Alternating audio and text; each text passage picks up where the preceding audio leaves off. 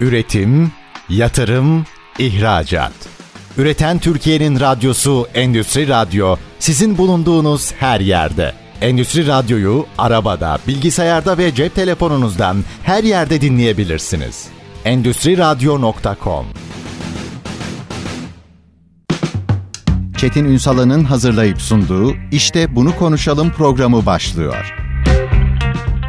İşte bunu konuşalımdan merhabalar. Türkiye'nin gerçek gündeminde birlikteyiz. Efendim bugün afet sonrasını konuşacağız. 99 depremine kadar belki bizler yaş grubu olarak ilkokulda böyle sivil savunma dersleri görürdük. Ama arama kurtarmayla ilk kez ne zaman gerçekten tanıştık derseniz 99 depreminden sonra hayatımıza giren bir yapı oldu. Akut. O yüzden bugün yarına ilişkin farkındalıktan ne yapmamız gerektiğine kadar hatta bireyselden reel sektörde firmaların bu konudaki bilincinin geliştirilmesine kadar neler yapılması gerektiğini bugün işte Akut'la konuşmaya karar verdik. Akut Eğitim Bölümü sorumlusu Önder Turan bugün işte bunu konuşalımın konu. Sayın Turan yayınımıza hoş geldiniz. Bulduk. Ayrıca teşekkür ediyorum. Bölgeden geldiniz. Yüksünmediniz bilgi vermeye yine bizlerle oldunuz. Üstad çok net yani bizim 99 depremine kadar mutlaka bilenler biliyordu ama çoğu insanın ne akuttan haberi vardı ne arama kurtarmadan yoktu çünkü hayatımızda böyle bir şey yoktu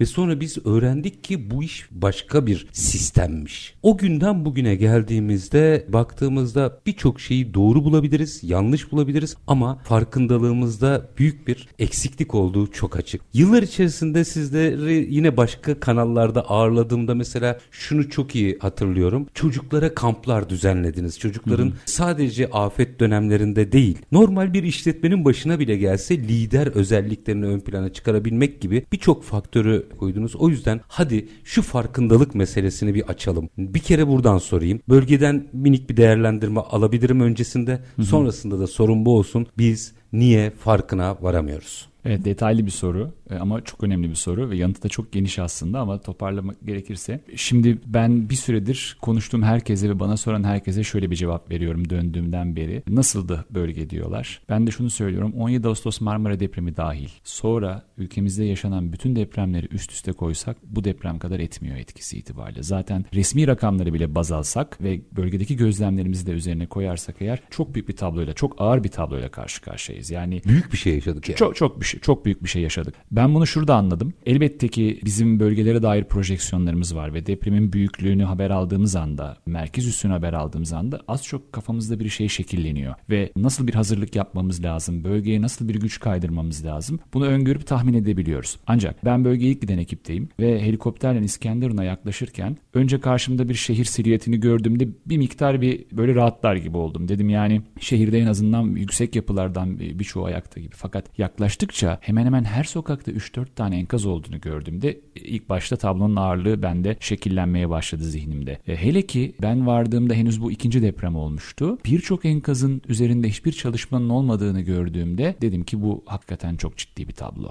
Sahaya indiğimizde zaten e, biz ilk başta bölgedeki İskenderun'daki o şeyde SSK hastanesi olarak anılan eski hastanede orada çalışmaya başlamıştık. Yani etkilenen nüfus, yayıldığı coğrafya e, başka hiçbir şeye benzemiyor. Tabii ki afeti biz şöyle tanımlarız. Mevcut kaynaklarınızın mücadelede yetersiz kaldığı her olay afettir. Hı hı. Yani bunun kapsamının altına böyle terörden tutun da salgın hastalığa kadar her şeyi. Netice değişmez. Bir kaynak ayırmışsınızdır siz bu kadar sene içerisinde böyle bir olayı beklerken ve o kaynak sizin mücadele etmenize yeterli gelmemiştir. Ve dolayısıyla da bir yerlerden dışarıdan örneğin yardım istemek zorundasınızdır. Zaten Türkiye'nin yapmış olduğu uluslararası yardım çağrısının ilk dakikalarda yapılması çok değerli. Evet. Bu arada bir eleştiri olarak şeyi de söyleyeyim. E, yurt dışındaki ekiplerin gelmesi gecikti.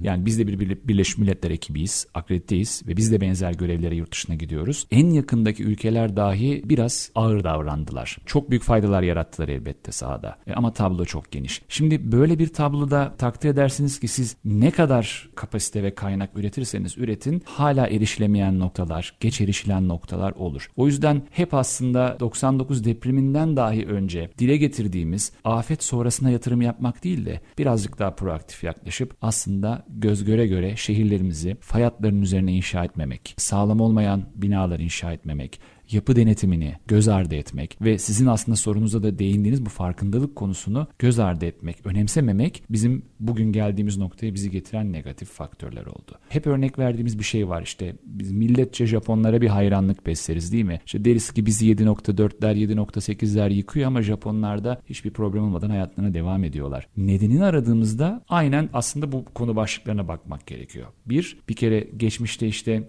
Kobe depremi, Sandai vesaire buralarda çok ciddi canları yandığı için ders, ders alınmış. Yani yapılara bakıyorsunuz. Sismik izolatörler, yapılar son derece uygun. Bir kere denetim konusunda korkunç onurlu bir yaklaşım. Bunları üst üste koyduğunuz zaman yapılar sağlam. Geriye ne kalıyor? O zaman insanların farkındalığıyla ilgili bir şeyler Bu yapmak. bir Japon mühendis var ya zaman zaman televizyonlarda Evet. görüyorum. Bir soruya çok enteresan bir yanıt vermişti. Gazeteci meslektaşım diyor ki sizin orada yapı denetim nasıl yapılıyor diyor. Gerek yok diyor.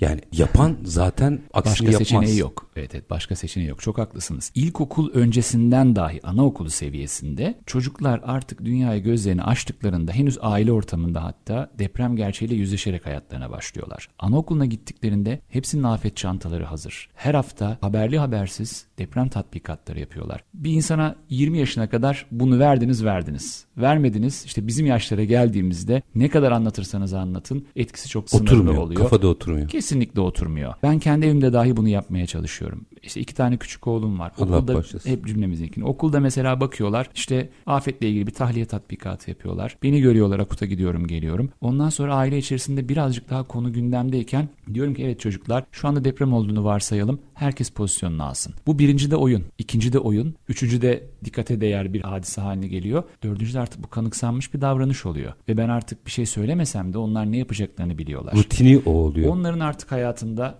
tamamen bağdaştırdığı o temiz dimalarda bağdaştırdığı şey oluyor. Bizim akut olarak farkındalığımız da aslında bu anlamda nasıl geliştir o da çok dikkat çekici bence. Biz e, 1996'da kurulmuş bir derneğiz ve kuruluş amacımız aslında ilk başta dağ ve doğa kazalarına müdahale. Yani şehirle hiç işimiz yok. Dağcıları hep okuruz zaman zaman. Bilirsiniz işte bol karlarda Türkiye'de çok önemli bir dağ kazası yaşanıyor. İki dağcı hayatını kaybediyor ve Türkiye'nin her yerinden dağcılar tamamen iyi niyetle aramak için bölgeye gidiyorlar. Ama sonuç hüsran. Organizasyon sıfır. Herkes iyi niyetli ama bir şey bir çalışma yok, kolektif bir çalışma yok. Ve bizimkiler şunun farkına varıyor o dönemki abilerimiz. Bir araya gelinmeli, eğitimleri alınmalı. Dünyada bu iş nasıl yapılıyorsa Türkiye'de de bu model geliştirilmeli. Yıl 96. Çok değerli. İşte sonra rahmetli şey Onno Tunç'un e, uçak kazasında bizimkiler müdahale ediyor Uludağ'da falan derken şeyin dikkatini çekiyoruz. Ahmet Mete Işıkara'nın. Ahmet Mete Işıkara diyor Nur ki içinde yatsın o da gerçekten. Kesinlikle öyle. Diyor ki ya ben her yerde bas bas bağırıyorum kimse beni dinlemiyor çocuklar. Bir Marmara depremi geliyor. Siz de bir ekip olarak artık şekillenmişsiniz. Ne olur gelin işbirliği yapalım ve sizi yetiştirelim. Size ihtiyaç olacak. O zaman Kandilli'nin başında. Kandili'nin başında asistanlarından biri de o dönem orada çalışan bizim rahmetli İskender Iğdır. Dağ kazasında kaybettiğimiz 2000 yılında. Allah O şey yapıyor. Bu konuya ön ayak oluyor ve bizimkiler hakikaten küçük küçük hem Türkiye'de hem yurt dışından uzmanlarla. Yani bizim de farkındalığımız böyle 50 yıllık 40 yıllık bir maziye dayanmıyor baktığınızda. Yani aslında siz gayri ihtiyari evet bir şekilde sistem kurmamız lazım derken rahmetli Ahmet Mete Ayağımıza gelmiş diyor ki gelin gelin. Aynen öyle. Aynen öyle ve işte tabii Türkiye böyle bir coğrafya. İşte size çok fazla nefes almaya fırsat vermiyor. Bir anda 98 Ceyhan depremi oluyor. Ve ondan sonra Akut ilk defa sahaya çıkıyor. Derken malumunuz 99. O günlerden bugünlere büyüyen bir yapı olarak geliyoruz. Şimdi sorunuzla da paralel gitmek gerekirse farkındalık tarafında biz hiç nefes almıyoruz aslında. Okullardayız, şirketlerdeyiz, sivil toplumdayız, kamu kurumlarındayız. Her gün her yerde bir yerlerde seminer veriyoruz. Ama bu çok sistematik olmalı. Yani gerçekten yasal otoritenin, devletin, resmi makamların ön ayak olması gereken bir konu. Olumlu gelişmeler yok mu? Var elbette. Okullarımızı güçlendiriyoruz. İşte ilkokul müfredatına deprem konusu girdi. Hepsi kabul ama bu buradan çıkmalı. Mesela sanayi tesislerimiz ne kadar hazır? 17 Ağustos'ta biz bunu yaşadık. Kobilerimiz ne kadar hazır? Olmadığını çok şey, yol İDEMA'nın sağlam biliyoruz. kobi raporu bunu çok net ortaya koyuyor. Değil yani mi? çoğu şu var. Mesela farkında olursunuz ve hazırlıksız olursunuz. Bunu bile anlarım. Çünkü o raporlamada neredeyse %80'e yakın benimle ne alakası var noktasıydı. Doğru. Belki bugün yapılsa çok farklı olabilir ama en azından 2-3 sene önce böyleydi durum. Evet yani bence hiç farklı değildir bugün de. Sadece belki gündeme istinaden biraz konu gündemde olduğu için bir duyarlı duyarlılık vardır ama günün sonunda bunu iki boyutla ayırmak lazım. Tabii ki e, birincil hassasiyetimiz insanı korumak daima. Elbette. Yani iş yerinizde yakalanabilirsiniz, evinizde yakalanabilirsiniz. Bunun için farklı farklı senaryoları kişilerin aile arasında ve kurumlarda yapması gerekiyor. Yani sadece bize regülasyonun dayattığı işte o iş yeri acil durum planları biliyorsunuz birçoğu kopyala yapıştır. Yani hiç kurum özelinde şey yapılmamış, dizayn edilmemiş. Özümsemek veya butik işi yapılmak başka Belki bir şey. orada rol ve sorumluluğu olanlar planda konudan haberdar bile değiller kendilerine böyle bir görev atandığının. Elbette ki bunlar çok göstermelik. Bu bir boyutu. Bir o kadar da önemli boyutu. Bizim gibi ekonomisi kırılgan olan ülkelerde iş sürekliliğinin sağlanması. Yani biz her şey evet canı koruyalım o en kutsal şey kabul ama düşünsenize Türkiye'nin Tüpraş gibi, İstemir gibi, cam fabrikaları gibi çok dev dev tesisleri var ve ülke ekonomisi için lokomotif kurumları var daha bir dizi ismini zikredemeyeceğimiz belki şimdi. Bu kurumların büyük bir depremden sonra nasıl hayatlarına devam edeceğiyle ilgili çok önemli hazırlıklar yapması gerekiyor. Yapanlarını biliyorum ama yapması gerekenleri de biliyorum. Örneğin kamu kurumlarımız bu konuda çok büyük bir soru işareti. Yılda bir gün deprem seferberliğiyle alarm çalıp bahçeye çıkıp sayılmak değil. Acaba gerçekten kritik süreçlerinizde, üretim proseslerinizde, örneğin harmanınız ne kadar hazır, tedarik zinciriniz ne kadar hazır? Yani siz bütün kritik işletmelerinizi bir depremden sonra kaybettiğinizde rafinerileriniz durduğunda yani bu ülkede bir şeylerin de çalışması gerekiyor. Dolayısıyla bu aslında topyekün kolektif bir çalışma gerektiriyor beraberinde. İnsanı koruyacağız ama hani altyapılarımız, yatırımlarımız, işleyen tesislerimiz, ülke için kritik addedebileceğimiz yapılarımızın devam etmesi gerekiyor. 99'da gördük. Çok önemli işletmelerimiz durdu zarar gördü. İşte tüpraş yangını hatırlayın. Tabii, tabii. Günlerce sürdü. Bunların çevresel boyutları bile başlı başına çok iyi düşünülmesi gereken hususlar. Ya da biz ders alıyor muyuz? Bir taraftan onu da sorgulamalıyız. Afet bölgelerinde hala biz kritik sanayi tesisleri kurmaya devam edecek miyiz? Organize sanayiler kuracak mıyız? Örneğin İstanbul'un çıkışında Anadolu'ya doğru çıkışında biliyorsunuz birçok organize sanayi sitesinin içerisinden geçiyoruz. Mesela bu sanayilerde çok ciddi tehlikeli maddeler barındırılıyor, stoklanıyor, üretiliyor. Mesela bunların arasından insanlarımızı nasıl tahliye edeceğiz? Bu bizim tahliye Bu planlarımızda ne kadar kritik Mutlaka bilmiyorum yetkililerin gündemidir ama bizim mesela vatandaş olarak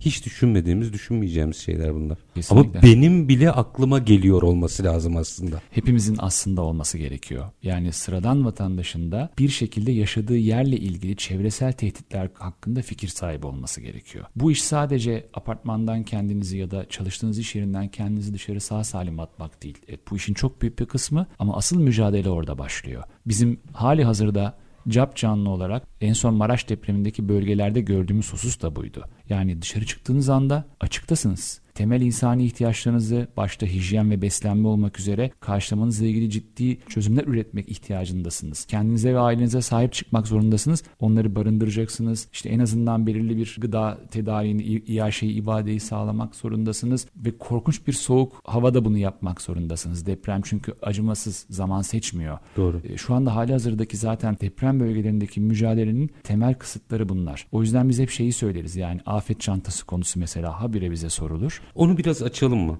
Hay Ee, hay. minik bir araya gideceğim. Madem farkındalık konuşuyoruz. Çünkü afet çantasının bir bina yıkıldıktan sonra altında işe yarayacağını düşünür herkes Öyle ama zannediliyor, bravo. halbuki hayır. Evet. Yani sonrası için. Kesinlikle Onu öyle. birazcık konuşalım. Tabii ki. Minik bir araya gidelim. Aranın ardından Akut Eğitim Bölümü sorumlusu Önder Turan'la işte bunu konuşalım diyeceğiz. Kısa bir ara. Lütfen bizden ayrılmayın. Üretim, yatırım, ihracat. Üreten Türkiye'nin radyosu Endüstri Radyo sizin bulunduğunuz her yerde. Endüstri Radyo'yu arabada, bilgisayarda ve cep telefonunuzdan her yerde dinleyebilirsiniz. Endüstri Radyo.com Kısa bir aranın ardından işte bunu konuşalım devam ediyor efendim. Afet sonrası yarını farkındalıktan başlayarak konuşuyoruz. Konuğumuz Akut Eğitim Bölümü sorumlusu Önder Turan. Şu deprem çantası meselesi. Hani doğru bilinen yanlışlar vardır ya. Birçok kişi aynı şeyi sorar. Bir afet anında ben o çantaya nasıl ulaşacağım? Bunun içeride değil de dışarıda niye lazım olduğunu bir anlatabilir misiniz bize? Tabii hay hay. Şimdi hep bahsettiğimiz konu elbette ki yapılarımızın sağlamlığına güvenmek. Özellikle depremin yapı içerisinde atlatılması gerektiğini, bulunduğunuz noktadan kaçınmaması gerektiğini biz ısrarla söylüyoruz. Apartmanların merdiven boşlukları, işte balkonları gibi böyle çok sevmediğimiz, emniyetsiz bulduğumuz yerlerden uzak durup içeride geçirilmesi gerekiyor. Ana çatıda yani. Kesinlikle öyle. Yaşam alanlarında hatta. Odanızdaysanız odanızda, salondaysanız salonda. Zaten depremin momenti size çok fazla hareket etme imkanı da sunmuyor. Şuna varım, işte düdük fener gibi konular çok popüler bunlar enstrümanlar. Olsun kabul. Yani yatağınızın başucunda konumlandırmak istiyorsanız işte bir düdük, bir fener her zaman bir, bir şeyi olabilir yani günün birinde bir yardımı olabilir. Deprem çantası dediğimiz husus bütünüyle binadan sağlam çıktığımız bir dünyada dışarıdaki birkaç gün hayatımızı idame ettirmemiz için gerekli malzemeyi barındırmalıdır. Çünkü afet aslında orada başlıyor. Tam anlamıyla orada başlıyor. Şimdi Birleşmiş Milletler şöyle bir tanım yapıyor. Diyorlar ki her ne kadar bir ülke ne kadar gelişmiş olursa olsun fark etmez dünyadaki afetlerin ortak özelliği bireylerin dışarıda organize yardımlara ulaşmasının ya da tam tersi organize yardımların mağdurlara ulaşması için minimum 72 saat geçiyor diyor. Bu bir somut Ortalama bir tespit, bu bir öngörü değil yani. Elbette münferiden size bir ekip gelip işte bir itfaiye ekibi gelip yardım edebilir. Birileri gelip belki yemek dağıtabilir ilk saatlerde. Ama bu istisna bunlar. Der ki işi bu olan kurumların size yardıma gelmesi için geçen zaman ortalama olarak dünyada 72 saat yani 3 gün. Dolayısıyla bu 3 gün siz kendiniz ve aileniz için yeter olabilmelisiniz der. O zaman da buradan o yeterliliği sağlayabilmek için bir kit ihtiyacı, bir çanta ihtiyacı ortaya çıkar. Şimdi ben görüyorum e-ticaret sitelerinde farklı yerlerde bu çantalar satılıyor. Hatta Akut da satıyor. Problem yok. Yani bir zahmete girmeden bunu elde etmek isteyen insanlar için bu imkan var ama önerimiz sizin ailenizin ihtiyaçlarına özel bu çantayı kendinizin yapmasıdır. Çünkü belki evde bir bebek var ve bir bebek bezi, bir bebek maması. Şeker hastası olan var, bir Bravo. var. Vesaire. Yani mesela belki ihtiyacınız olan düzenli kullandığınız bir ilacın yedeği. Çünkü şöyle düşünün Çetin Bey, siz depremi yaşadığınızda evde hiçbir eşya aynı yerde kalmıyor. Işıklar da gidiyor. Normalde siz işte odanıza girerken yatak odanızda ışığı açmasanız bile el yordamıyla mesafeleri falan artık her gün Bilir oraya bilirsiniz. Bir yatkınlığınız vardır. İşte ilacınızın yerini de bilirsiniz ama deprem depremin sarsıntının etkisiyle hiçbir şey aynı yerde olmayacağı için orada ilacınızı aramakla ilgili bir zaman kaybetme lüksünüz yok. O yüzden alın size çantada olması gereken bir malzeme. Gaz kaçağı olacak dışarıda. Mutlaka olacak. Dolayısıyla yolunuzu çakmakla aydınlatma gibi bir şansınız yok. Kesin bir aydınlatma enstrümanına ihtiyacınız Fener var. orada işe yarıyor işte. Fener orada işe yarıyor. Cep telefonunuzu mesela 99'da 2000'li yıllarda bunu konuşuyor olsaydık söyleyemeyeceğimiz daha güncel bir ihtiyaç powerbank.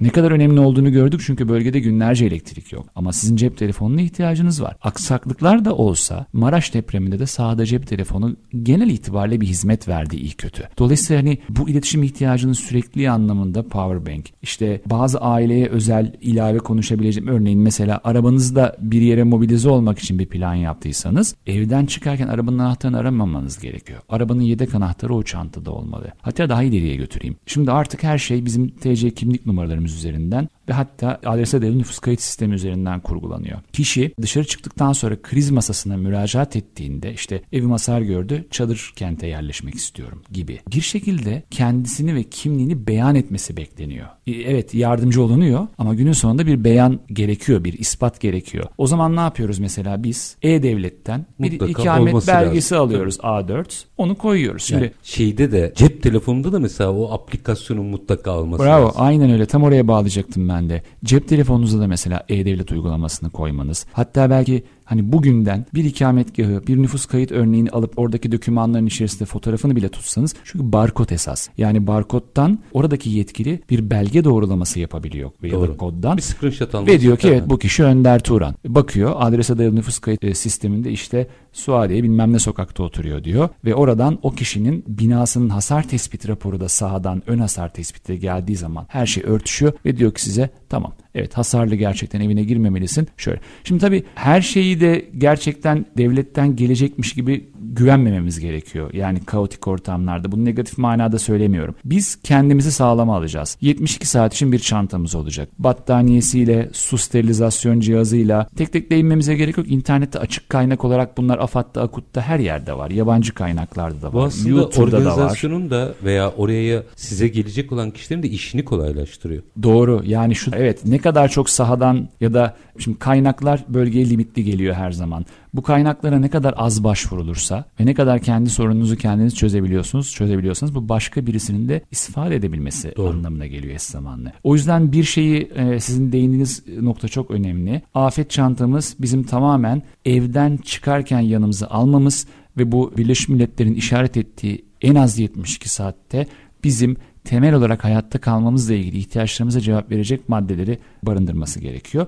Ve Nerede durmalı bu çanta? En sık sorulan sorulardan biri. İşte mesela arabanın bagajına olabilir tutabilirsiniz. Arabayı açabildiğiniz müddetçe problem yok. Ama ideali dairenizi terk ederken portmanto gibi işte ne varsa orada ayakkabı gibi bir yerde. Giriş kapısının orada. Aynen öyle tek bir hamleyle alıp yani böyle dolapların arkalarına üstlere saklamak değil. Elbette şeyi hatırlatmamız lazım. Portmantonun örneğin duvara sabit olduğu Tabii. varsayımıyla bunu söylüyorum. Çıktığınız andan itibaren bu çanta artık sizin için hayati önem taşıyor. Yani aslında bakın şu çantadan bile farkındalıklarımızın ne kadar yanlış bilgilerle donatıldığının çok açık kanıtı. Aradan sonra reel sektöre özel bir 15 dakikayı ona ayıralım Hay ama hay. burada yine e, merak ettiğim noktalar var. Mesela hep şöyle denir işte ilkokuldan başlayarak. Hayır ben sizle mesela daha önce bundan herhalde bir 4-5 sene önce midir daha bile fazladır belki de 2016'dan öncedir muhtemelen. Bir yaptığım programda o çocuklara yönelik yaptığınız kampta hayır çocuklara bunu ilkokulda ders gibi öğretmenin ötesinde bir takım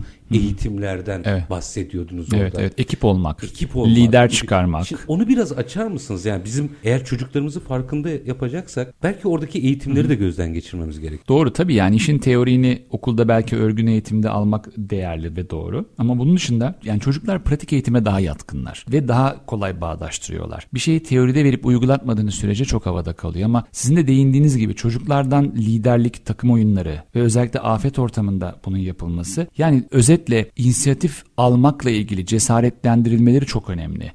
Biz bunu şeyde de yapıyoruz. Aile içerisindeki afet planlamasında da yapıyoruz. Diyoruz ki hani bizim kültürümüzde şey vardır ya maalesef. Ya sen dur çocuksun çocukluğunu bil falan. Hayır değil. Sen çocuksun bir bireysin. Bak biz evi terk ederken ben deprem çantasını alacağım. İşte annen doğalgaz vanasını kapatacak. Sen de kardeşinden sorumlusun örneğin. Kardeşinin çantasını, ikinizin çantasını lütfen sen al. Ve o yüzden o çantanın hazırlığından da sen sorumlusun. İşte ben sana söylediğimde iki ayda bir o çantanın içeriğini kontrol edeceksin. Her şey tam mı? Dışarıda Tarihi da geçmiş mi vesaire. Aynen öyle. da var. Dışarıda da bak görevlerimiz bunlar. İşte ben çadırı kurarken örnek veriyorum. Bunlar sembolik olabilir. Tabii, Önemli olan çocuğa bunu değerli hisset. Çünkü bu afet çocuklar çok belli etmese de onları çok vuruyor. Hayatları boyunca hayatlarından çıkaramayacakları dev bir travma. Onlar konuşmadıkça biz belki fark etmiyoruz ve çok etkilenmediklerini Ki düşünüyoruz. konuşmamaları daha tehlikeli. İnanılmaz evet inanılmaz kaydediyorlar her şeyi ve travmalar korkulara korkular davranış bozukluklarına ve yanlışlıklarına aslında devamında etki ediyor oluyor. O yüzden biz mesela şeyi yine örnek olarak gösteririz. Hep bir ara böyle sosyal medyada dönüyordu işte. Japonlar afet ortamında bile işte Fukushima'dan sonra bunu yaşamıştı. İşte bir yardım şeyinin önünde ya da bir telefonun önünde kuyruğa giriyorlar. Sıraya giriyorlar. İşte tam bunu kastediyorum. Bunu vermek. Yani bak bu şartlar bunu gerektiriyor. Zor şartlar bile olsa birbirimizin haklarına bu tarz durumlarda işte belirli bir saygıyı göstermek zorundayız. Afet ortamı bile olsa kural kuraldır. Lider liderdir, talimat talimattır. Ekip çalışması bunu gerektirir gibi kavramlar aslında bütünle sizin değindiğiniz kamplarda, sosyal etkinliklerde, tematik etkinliklerde çocuklara veriliyor ve bir kere yerleşirse hayat boyu. Zaten son olarak şeyi söyleyeyim.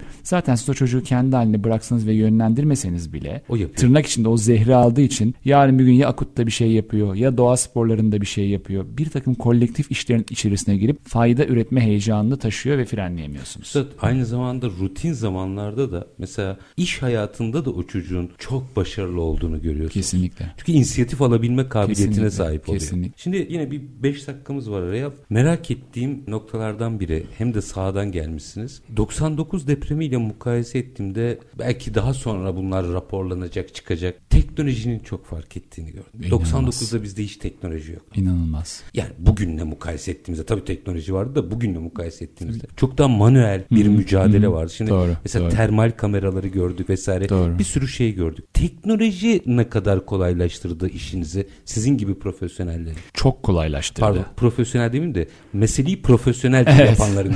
Profesyonellik başka bir Doğru. meslek anlamına Doğru, çok gelir. doğru aynen öyle. Biz gönüllüyüz. Bunu gururla söylüyoruz. Teknolojinin tabii belirli yan etkileri de var. Onlara da bahsederiz ama iki boyuta ayırıyorum. Bir, biz kurtarmacılar açısından getirdiği yenilikler var. Yani bizim enkaz altında kalan kazazede dinlediğimiz sismik ve akustik sensörlü aygıtlar elimiz ayağımız. Arama kameraları, görüntüleme kameraları bunlar gerçekten 99'dan bu yana çok hızlı gelişti ve belirli bir olgunluğa geldi. Yani artık çok kullanılabilir e, şey değerli enstrümanlar yer tespiti ve arama aşamasında. Bunun dışında termal kameralar henüz hala tam hayal ettiğimiz randımanda olmasa da lokal hadiselerde canlı var yok ya da pozisyonu hakkında fikir verebiliyor. Biz yani ülkemizin önde gelen teknoloji firmalarından biriyle çalıştık sahada. Yakın yani devlet kurumu bu. Çok özverili bir çalışmaydı ve birçok yerde çok netice aldık. Yani çok müspet neticeler aldık. Dinle, zaman kazandırıyor değil zaman mi? kazandırıyor. Dinlemeyle mesela tespit edemedik kazazede uyuyor örneğin ya da işte bilinci yerinde değil ama sonuçta bir vücut ısı var sağ olduğu sürece. İşte bir yerden bir yansıma, bir uzvun yansıması vesaire dediğiniz zaman termal kameralar yani çok net böyle siyah ve beyaz kadar bir ayrımı sahada bize verebiliyor. İşin bir de halkın kullandığı teknolojinin gelişmesi tarafı var. Yani işte cep telefonları örneğin 99'da bu e, verimlilikte olmayan akıllı telefonlar. Biz özellikle bunu ilk şeyde deneyimledik. Erciş depremlerinde. Hmm. Erciş ve Van depreminde. O yıl şeyin Twitter'ın ilk 10 hikayesinden biri seçildi. Bir kazazede enkaz altından tweet attı. Canlı yayında bir televizyon programında çok popüler bir talk show sunucusuna bunu attı. Hemen yanında da canlı yayın konu bizim Akut'tan bir arkadaşımızdı. Hemen ona yönlendirdi. O sahaya bize yönlendirdi ve gidilen enkazdan o kişi canlı çıkartıldı. İnanılmaz bir hikaye bu. Zaten hak ettiği değeri de gördü dünyada. Çok ilgi çekti yani. Bize dönüşleri çok olumlu oldu. Bizi de çok mutlu etti. Bu depremde de sayısız enkaz altından arama, video vesaire atan insanlar oldu. Güzel ama şöyle handikaplar ve istismarlar da oldu. Hep fake, gerçek olmayan, aslı astar olmayan ihbarlar, asılsız ihbarlar da geldi. İşte bakın falanca yerdeki mahalledeki apartmandan aramış yakınlarını demiş ki ben sahayım. Daha fenası ilk yapan için söylemiyorum ama sonrakiler bunu iyi niyetle yapıyorlar bir de. Ya, Yaygınlaşmasını evet, sağlamak. Evet, evet, evet. Yani sonra da aynı dediğiniz gibi işte fenomenler bile ya da işte etkinliği olan ünlü kişiler bile bu şeye düşebiliyor hataya. Yani teyit edilmemiş bilgi artık çok daha kolay e, yayılıyor. Ama o ee, sahada size mesela akıl karıştırıyor. Akıl karıştırıyor, inanılmaz bir yük getiriyor. Canlıya gidecekken olmayan asılsız bir yerde çok önemli değerli zamanınızı ve enerjinizi kaybedebiliyorsunuz. Kaynağınızı kaybedebiliyorsunuz. Böyle bir olumsuz yansıması var. Ama tüm bunlara rağmen hani yarattığı fayda itibariyle teknoloji geliştikçe hem kazazedeler hem arama kurtarmacılar açısından işler bir nebze daha kolaylaşıyor. Bir noktayı daha alayım. Teknoloji boyutunu öyle bitirelim. Simülasyon ve metaverse. Hı hı. Biz farkındalığı arttırırken eğitimlerde bunu birebir canlandırarak hı hı. yaşasak sonuç hı almaz mıyız? Valla bence eğitimler için çok iyi olur. Yani özellikle yeni başlayan insanlar için neyle karşılaşacaklarını önce sanal dünyada görmeleri çok değerli. Psikolojik açıdan da çok değerli. Çünkü siz işte biz bu olayda da çok yaşadık. Yani işte ilk defa sahada böyle bir operasyona giden, ilk defa enkaz gören bir profesyonel bundan çok olumsuz etkilenip hayatına, normal hayatına geri dönmekte, adapte olmakta çok zorlanıyor. Yangın eğitimlerinde dünyada uygulanıyor. İtfaiyeciler mesela işte VR teknolojisiyle yapılara sanal olarak giriyorlar. Şöyle uç örnekler de var bence yaygınlaşması gereken. Şimdi itfaiyeciler örneğin bir binaya girdiklerinde dumandan ve karanlıktan dolayı yön tayinlerinde oldukça zorlanıyorlar. Üzerlerinde takip cihazları oluyor. Bina 3 boyutlu olarak dışarıda bir bilgisayar üzerinde yansıtılıyor modeli, planı ve dışarıda bir supervisor oluyor. O supervisor kendisi de VR gözlüğü takarak sanki onlarla beraber içeride dolaşırmış gibi oradaki takım liderine şu komutu verebiliyor. İşte yaklaşık 3 metre yürüyeceksin sonunda bir kapı var. Aa, müthiş bu. İnanılmaz bir şey bu. Ve mesela İçeri oradan girenin güvenliği açısından da müthiş. Kesinlikle şey. tamamen bu. Ve kazandırdığı zamanı yani inanamazsınız kazandırdığı zamanı. O kadar değerli ki bu. Öteki türlü çünkü el yordamıyla tamamen içeriği arıyorlar. Yani aydınlatma gibi. Bir bu. İkincisi 19 personeliniz çıktı. 20. personel yok. Olabilir ya başına bir şey gelmiş Nerede? olabilir. Binanın neresinde mesela. Bunu görüyor oluyorsunuz. O, o manada bence zaten gelecek burada. Yaygınlaşacak ama hala bir miktar daha zamana ihtiyacımız var bunun için. Minik bir araya gideceğim. Aranın ardından bu bölümü sırf reel sektöre ayırmak istiyorum. Hay hay. Çünkü oradaki farkındalığın insan hayatı çok önemli ama hem insan hayatı, çalışan hayatı hem de kaos, iç kaosun yaşanmaması adına farkındalığın çok yüksek olması gerektiğini düşünüyorum. Hı hı. İşin sonrasındaki iktisadi boyutu da dahil. Minik tamam. bir araya gidelim. Aranın ardından Akut Eğitim Bölümü sorumlusu Önder Turan'la işte bunu konuşalım diyeceğiz. Lütfen bizden ayrılmayın. Üretim, yatırım, ihracat. Üreten Türkiye'nin radyosu Endüstri Radyo sizin bulunduğunuz her yerde. Endüstri Radyo'yu arabada, bilgisayarda ve cep telefonunuzdan her yerde dinleyebilirsiniz. Endüstri Radyo.com Kısa bir aranın ardından işte bunu konuşalım da tekrar sizlerle birlikteyiz. Konuğumuz Akut Eğitim Bölümü sorumlusu Önder Turan. Tüm yönleriyle aslında farkındalığı konuşuyoruz. Geldik geldik bireysel farkında. Bir kere çok doğru bilinen yanlışı yanlış bilinen doğruyu bizler için düzelttiniz. Çok teşekkür ediyorum. Estağfurullah. Geldik reel sektöre. Şimdi düz mantıkta bina yıkılmayabilir. Hı hı. Oradan başlayalım. Ama O an ne yapılacak? Kim, neye ne kadar hazır? Siz muhtemelen birçok kuruluşa da gidip bunları anlatıyorsunuzdur. Evet. Oradaki tespitlerinizden de yola çıkarak Hı. bize bir senaryo çizebilir misiniz? Ne yapmamız lazım? Şimdi biz ülke için hep bireyden başlayarak konuşuyoruz. İş hayatı içerisinde aslında en küçük birimden başlayarak yukarıya doğru gitmek gerekiyor. Yani işte bir önceki bölümde organize sanayi bölgelerinden bahsettik. Maalesef bizim en büyük şirketten en küçük kuruluşa kadar gittiğimiz, yaptığımız ziyaretlerde ya da projelerde gördüğümüz şey şu oluyor. Birçok şey sadece mevzuat karşılama kaygısıyla yapılıyor ve mış gibi yapılıyor. Yani bir organize sanayi bölgesine gidiyorsunuz. İşte diyoruz ki itfaiye mesela mesela buraya kaç dakika uzaklıkta? E, hiç ölçmedik. Ölçmelisiniz. Siz işletmenizde yapmış olduğunuz bir tatbikatta itfaiyenin size ne kadar da ulaşabildiğini önceden biliyor ve deneyimliyor olmanız lazım. Aynısının tam tersi müdahaleci için de geçerli. Ne kadar sürede ve hangi rotadan acaba giderse o kuruluşa mantıklı bir şekilde ulaşabilir, emniyetli bir şekilde ulaşabilir. Buna bakması gerekiyor. Bu bir örnek. O yüzden buralarda hani işletmelerin öncelikle tabii ki sal ihtiyaçları karşılaması, o mevzuatın gereklerine cevap vermesi cepte ama belirli yetkinliklerine paralel olarak da bu yetkinliklerle nasıl faydalar üretebileceğine bakması lazım. Buradan başlamamız lazım. Örneğin işte biz hep madenciler örnek veriyoruz değil mi? Hı. Diyoruz ki ya madenciler yine kahramanlar. Evet kesinlikle kahramanlar. Ama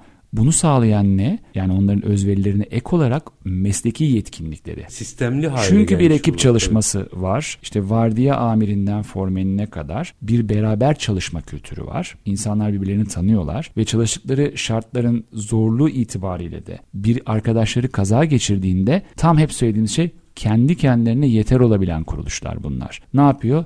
Dışarıdan bir yardımdan medet ummuyor. Olursa diyor buranın riskini en iyi ben bilirim ve burada en iyi kurtarmayı ben yaparım deyip kendi arkadaşını kendisi kurtarıyor aslında. Bu iyi bir kurgu. Herkes bu kadar tabii bu işe birebir uyumlu olmayabilir iş kolu itibariyle ama herkesin yapabileceği şeyler var. İşte mesela bir takım büyük sanayi kuruluşlarının çok ciddi bakım onarım kapasiteleri. Sadece kendi sorununu çözmek değil dışarıya çıktığı anda mesela ben şimdi görüyorum bazı büyükşehir belediyeleri afet bölgesinde işte kimisi doğalgaz altyapısını ayağa kaldırıyor. Ötekisi gidiyor havalimanı pistini onarıyor. İşte bir tanesi hastanede başka bir şey yapıyor. Yani kurumların önce kendi yetkinlikleriyle ne gibi faydalar üretebileceklerini kurgulaması ve dokümante etmesini bekliyoruz. Onun dışında iş sürekliliğine atıfta bulunmuştum. Ne olacak? Bir iştah belirlemesi gerekiyor kurumların. COBİ'de olsa büyük bir kuruluş olsa. Ben hangi riskleri açığım? İşte deprem bölgesinde miyim? yangın bölgesi mesela organize sanayilere gidersek İstanbul'da hakim rüzgarın kuzeyden denize doğru estiği varsayımında rüzgar altı kalan işletmeler yukarıdaki bir kimya tesisinin yaşayacağı bir kazada Riskte. tamamen risk altında. Mesela bu risk analizini yaptınız mı? Gerçekçi olarak yaptınız mı? Basit bir OSGB'den hizmet almayı kastetmiyorum. Kopyada yapıştır amatör işleri kastetmiyorum. Gerçekten bir profesyonelden destek alıp açık olduğunuz risk analizini yaptık peki. Ondan sonra ben burayı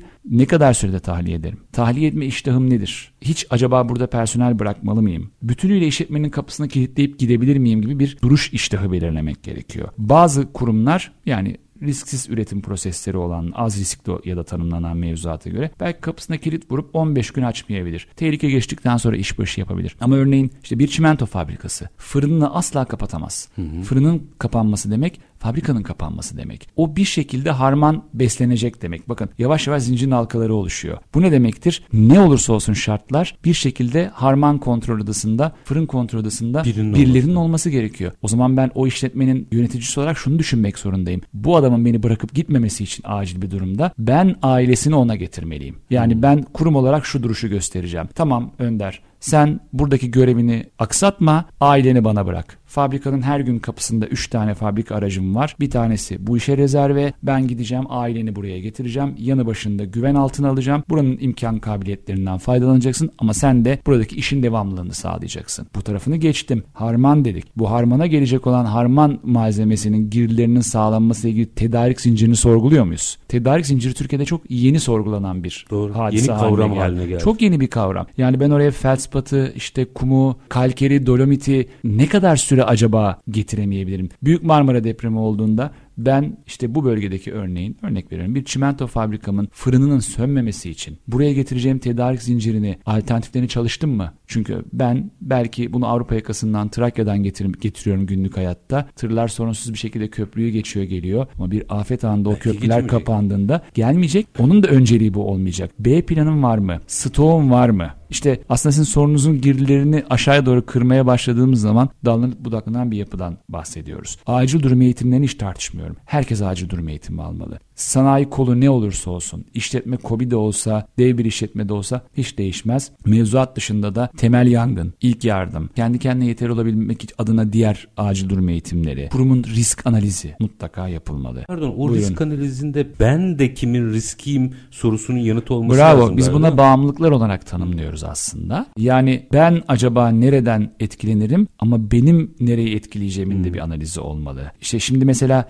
chat buna benzetilebilir. Yapacağım iş doğaya ne kadar zarar veriyor? Hadi bunu ya da yapacağım, kuracağım tesis. Bunlar hepsi sorgulanıyor malumunuz. Yani orada da işte aksaklıklar olsa da çalışan bir sistem var yani değerlendiriliyor, raporlaştırılıyor ve bir şeyin devamlı açısından ihtiyaç duyulan bir madde. Ama bunun şey boyutu hiç bakılmıyor belirttiğiniz gibi. Ben bu organize sanayinin içerisinde tehlikeli madde e, barındıran, şu kadar stoklayan bir kurum olarak acaba buranın yangın riskini ne kadar arttırıyorum? Dolayısıyla ne kadarlık bir önlem almam gerekir? İşte bunların hepsi risk analizi konusu. Ama bu Burada inisiyatifi yapılara bırakmaktan öte yönetsel kademelere, yönetim organlarına aslında bunu vermek gerekiyor. Yani organize sanayi yönetimlerinde burada çok büyük bir OSB rol düşüyor. Ona bunu yapacaksın demeli. Kesinlikle demeli. Ben OSB olarak yönetim olarak işte itfaiyemi kurdum, yangın altyapımı kurdum, fiziksel güvenliğimi kurdum kabul. Ama senden beklenen minimum gereksinimler de bunlar. Bana belgele, işletme olarak risk analizini yaptırdın mı? Bana belgele, atıklarını nasıl ayrıştırıyorsun? Bana belgele, iş sürekliliği ilgili kritiklik seviyen ne? Eminim ki ben gitsek kapılarını çalsak birçok OSGB bize şu cevabı verecek. Ya bunlar zaten bu veriler bizim elimizde var ama gidip sahanın gerçeklerine baktığınız zaman aslında içeride fabrika kurulurken tasarlanmış olan üretim hattının değiştiğini zaman içerisinde yeni ürünlerin belki evet. gelişmesiyle beraber giren kimyasal maddelerin değiştiğini, ürün girdilerinin değiştiğini, buna paralel olarak çıktıların tehlikeli madde gibi örneğin vasıflarının değiştiğini, buradaki kontaminasyon, dekontaminasyon risklerinin ya da çözümlerinin aslında olması gereken standartlardan çok uzak olduğunu göreceğiz. Yani prosedür önemli ama prosedür işi çözmüyor. Denetlenmesi devamlılığı esas elbette ki burada. Orada bir firmanın içinde bu Kobi'de olsa büyük işletme. Bu işin muhatabı kim? Yani biz adreslendirmeden anlayamıyoruz. Yani şu senin sorumluluğun diyebileceğimiz Vallahi kişi kim olmalı? Günah keçisi hep iş sağlığı güvenliği uzmanları oluyor ama değil. Doğrudan mesul müdürler ve hatta o işletmenin sahipleri. Çünkü şunu yapar acil durum ekipleri. Bir problem olduğu zaman oraya geldiği zaman işletmenin kapısındaki ilk gördüğü adama şunu sorar. Buranın yöneticisi kim, mesulü kim? Çünkü oradaki bütün olumlu olumsuz işleyişten sorumlu olan bir mesul yönetici Ki olmak muhtemelen zorunda. raporlanmıştır ona bu. Bir uzman varsa orada. Tabii tabii. Ama şey, şöyle şeyde kalabiliyoruz. İş sağlığı güvenliği mevzuatında da iş sağlığı güvenliğini istihdam eden yer oranın da aynı zamanda sahibi olduğu için ne kadar objektif davranabiliyorsunuz kendi iş yerinize. Hmm, evet. Yani burada o arkadaşlarımız çok zor durumda kalıyorlar. Bizim sahada gördüğümüz en büyük aksaklıklardan biri aslında bu. Bunların işte, belki bağımsız denetçi. Ki, mesela yapı denetiminde lazım. bağımsız bir inşaat yapacağınız zaman e, belediye tarafından rastgele bir yapı denetim firması atanıyor. Dolayısıyla müteahhitle arasındaki olası organik bağ bir şekilde öncesinde mümkün mertebe frenlenmiş oluyor. Bence bu çok olumlu bir gelişme. E, bunun aynısının iş sağlığı güvenliği içinde olması gerekiyor. Yani sadece bir bakanlık müfettişinin denetlemesi tek başına yeterli değil. Burada bir handikap var. Bütün bunları çözeriz biz. Buyur, mevzuata bakar. Evet. Ama bir anlayışı kırmamız gerekiyor. Oradaki değerlendirmenizi merak ederim. Rutin zamanda bunların hepsi ek masraf olarak gösteriliyor. Doğru. Bunlar niye masraf değil? Biraz anlatır mısınız bize? Valla bunun yanıtı çok basit. 99 Marmara depremine gidersek eğer bu ülkeye 40 milyar dolar o tarihte bu afetin bir maliyeti vardı. Ve yine Birleşmiş Milletler aslında bunların hepsinin hepsinin cevabı var. Hepsi çalışılmış konular. Der ki afetten önce harcamadığınız, harcamaktan imtina ettiğiniz her 1 lira ya da 1 birim sizden afet gerçekleştirdiğinde en az 28 birim olarak çıkar. 1'e 28. Evet. Ve yani bunu aynısını İSG ile ilgili konularda da düşünebilirsiniz ki burada bir de insan ve can faktörü var. Dolayısıyla yok. aynen öyle. Dolayısıyla bunu ölçümlemek imkansız. Ama sadece materyal kısmında bir değişim böyle bir farklılık, böyle bir katsayı görüyorken Varın siz düşünün İSG'ye yapmadığınız yatırımın, acil durum hazırlığına yapmadığınız yatırımın sizden ne kadar misile çıkacağını. E, bunu en çok biz yangınlarda görüyoruz. Sigortayı da bununla ilişkilendirebiliriz. Sigortanın ne kadar önemli olduğunu bir işletme bütünüyle kül olduğunda görüyorsunuz. Yani işten geçiyor. İş işten geçiyor. Dolayısıyla yapmadığınız sigorta maalesef sizin tamamen ticari varlığınızın sona ermesine kadar gidebiliyor. Orada afet algısıyla ilgili de, bir de biraz ders çalışmamız gerekmiyor. Şimdi yangın Hı-hı. atıfta bulunduğunuz için. Hı-hı. Şimdi tabii deprem çok gündemde olduğu için herkes deprem konuşuyor ama yani bu işin su baskınından afetine, iş sağlığı veya iş kazasından e, tabii ki depreme de kadar.